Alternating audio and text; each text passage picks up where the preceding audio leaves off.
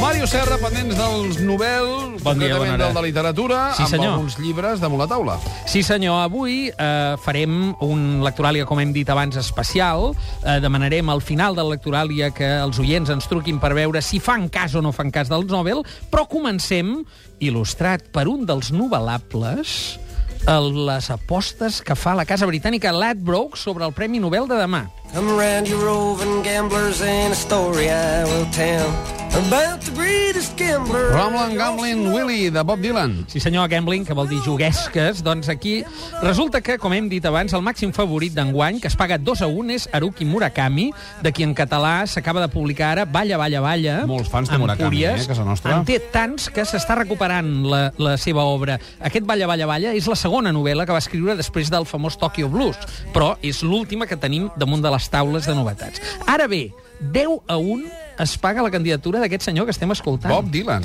Bob Dylan. De fet, ja va guanyar un premi literari, el Príncep d'Astúries de Poesia. Certament. Li van I, donar. I fa molts anys que figura a totes les juguesques com a poeta, diguem, com a poeta, com a trobador, eh, un cantautor. No seria una sorpresa eh, aquí a casa nostra, clar, llibres no, però el Gerard Quintana i el Jordi Batista, per exemple, l'escolta o en el vent, eh, ho han eh, tornat a reviscolar, diguem, en català. Uh. -huh. 12 a 1. Thomas Pynchon. Mira, sentim, sentim ara el, el Aquí Quintana, tenim, eh? sí, sí. 12 a 1, Thomas Pynchon, que és el clàssic autor ocult d'Estats Units, que també trobaríem a Contrallum, eh, a Amsterdam, el 2011, una gran novel·la puzzle. 16 a 1 es paguen dos primeres espases de la literatura nord-americana, Philip Roth, Molt bé. eh, del qual eh, la Magrana acaba de publicar l'última novel·la, Nèmesi. Eh, en fi, Philip Roth ja té uns... És, eh, aquest novel·lista d'origen jueu, diguem, nord-americà, que té molts seguidors i ha estat portat al cinema també. I Cormac McCarthy, l'autor de La carretera, que, eh, tot i que està publicat des del 2007 en català, darrerament, eh, arran també de la versió cinematogràfica, ha estat descobert per un gran públic. A 21 comencem a trobar autors d'aquí Caram. Tots d'escriptura en castellà. Enrique Vilamatas, Eduardo Mendoza i Tom Stoppard, entre d'altres, estan en aquesta categoria, diguem, especulativa que es paga 20, no? D'Enrique Vilamatas, justament, Aire de Dylan, eh, és el seu darrer llibre, Seix Barral, que eh, acaba, aquest no l'hem pogut llegir encara, acaba de sortir, i d'en Mendoza, des del Lectoràlia, vam recomanar amb reserves, t'he sí. de dir, eh, l'última novel·la, diguem, còmica, eh, El enredo de la bolsa i la vida, que ha sortit en guany mateix. Eh, T'he de dir que jo votaria per Tom Stoppard, el conec a fons perquè vaig traduir-ne al català l'Arcàdia, una obra sensacional que està publicada a Proa des del 2007, però que es va representar. Stoppard és un dramaturg, diguem, que està representat tant al Nacional com al Lliure, en fi, un candidat també que hi acostuma a ser. 25 a 1 trobem Humberto Eco, que ha anat baixant. T'he de dir que cada any hi era, en aquestes juguesques. cada vegada menys. Cada vegada menys. Ara, el seu, la seva última obra del 2010 la tenim en català, El cementiri de Praga, l'última novel·la. Ell sempre va publicant també assajos, però Rosa dels Vents la va publicar. I aleshores ja anem a, diguem, a sorpreses o a, a noms que es cotitzen menys, tot i que la seva qualitat literària és eh, absoluta. 33 a 1 en Doktorov. Doktorov és un, un novel·lista nord-americà que està sent recuperat íntegrament per edicions de 1984, te l'hem recomanat aquí unes quantes vegades, i la seva última novel·la en català és Tot el temps del món.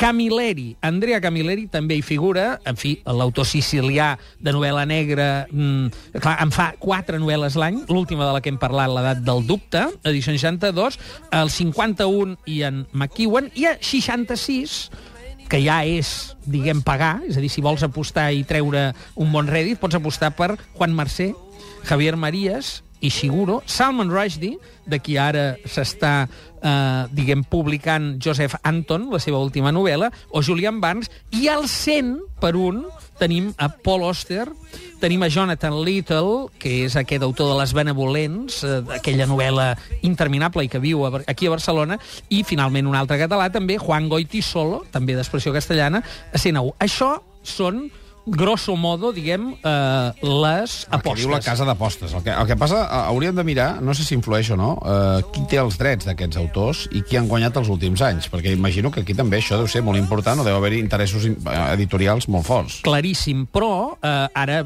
passem a veure qui ha guanyat aquests últims anys i podrem analitzar-ho. Eh, mirem eh, els últims eh, novelables perquè les cases editorials normalment no tenen a l'abast, diguem, eh, tants autors com els que entren en aquestes travesses, no? De manera que els interessos a les corredisses seran demà pels passadissos de Frankfurt. Doncs el repassem just després de les notícies de les 11 que hi arriben, d'acord? Molt bé. Som-hi. Wherever you're gambling now, nobody really knows. I Mario Serra, que està repassant els darrers novels a l'espera de que demà l'Acadèmia Soc ens sorprengui. Sí, senyor. Uh, veiem, uh, tu deixaves anar una pregunta important sobre la indústria i sobre la seva influència. Val a dir que uh, és molt opac el jurat, és un món escandinau uh, allunyat, diguem... I monàrquic. De la, de... Sí, sí és, no, re, realment és un gran misteri. Jo diria que després del Vaticà eh, és el segon gran misteri més ben guardat. Ara, hi ha una incidència, això és obvi. Mira, els últims novels, el 2009 va eh, ser Erta Miller, una escriptora alemanya d'origen romanès. Era molt poc llegida. El novel la va impulsar. Certament va eh, ser molt més llegida en català. L'editorial Bromera va començar a incorporar al catàleg bona part de la seva obra, l'hem recomanada des d'aquí, inclosa una novel·la de l'any 82, la primera, en Terres Baixes, que va sortir immediatament. Per tant, els lectors li van fer cas al novel. A l'any següent, Mario Vargas Llosa, probablement un dels novel·listes ja més llegits, eh, Pantaleón a les visitadores, Conversació en la catedral. Per tant, quan el va obtenir, ja feia anys que figurava totes les apostes i no sortia mai. Ja. Ja, ja, ja no hi comptava, no?, diguem. No va Ah, ser una sorpresa ni va revolucionar les vendes perquè ja era molt llegit. Sí, però fixa't que va coincidir amb una qüestió de la indústria, i és que el seu última novel·la, Alfaguara, eh, una editorial potent, El sueño del Celta, coincidia una setmana després de la Fira de Frankfurt i, per tant, del novel. Se'n va beneficiar de vendes? No.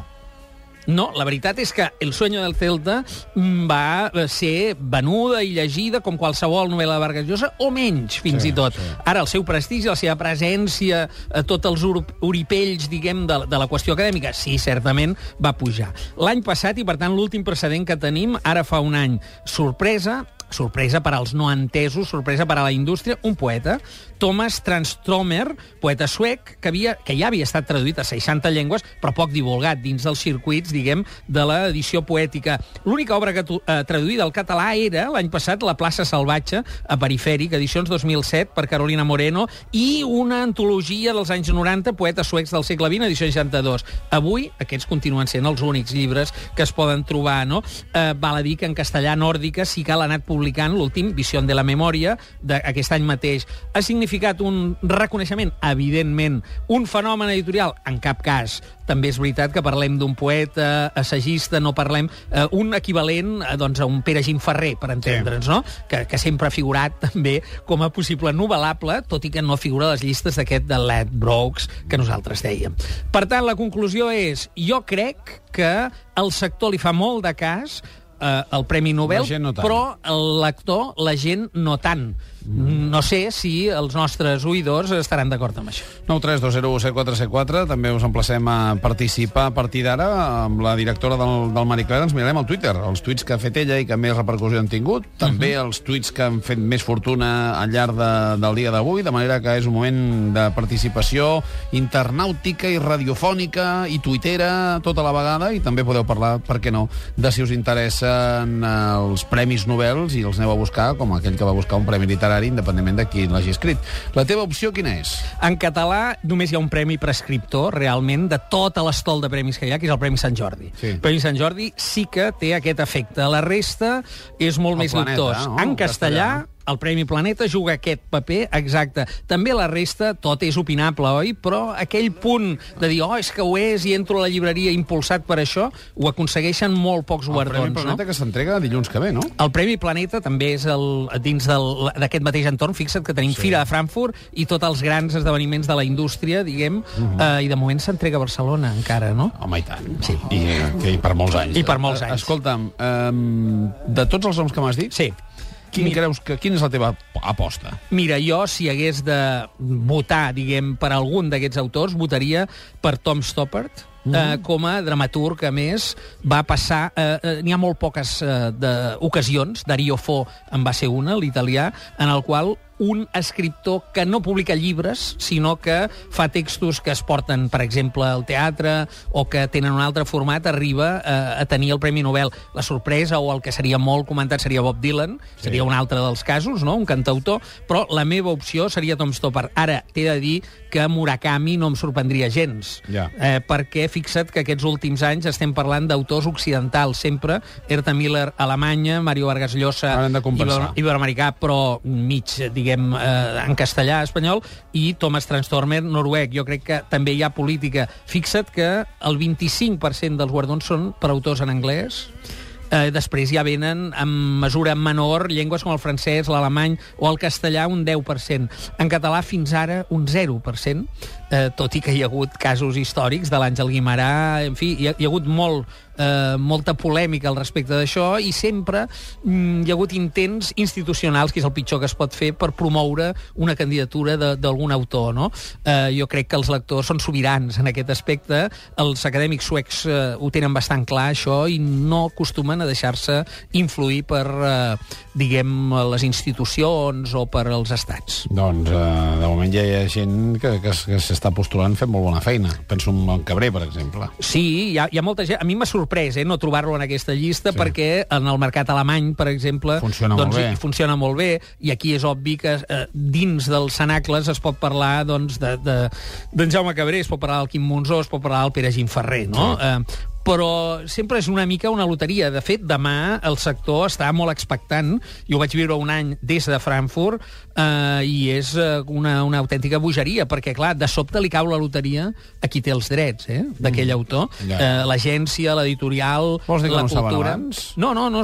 Vaja, almenys eh, les filtracions mai no han estat eh, gaire eh, sabudes. No, no, no ho sé, jo tinc la informació que tinc. Demà sortim de dubtes. Sí, senyor. Màrius Serra, moltíssimes gràcies. Molt bé, Pausa i obrim el Twitter.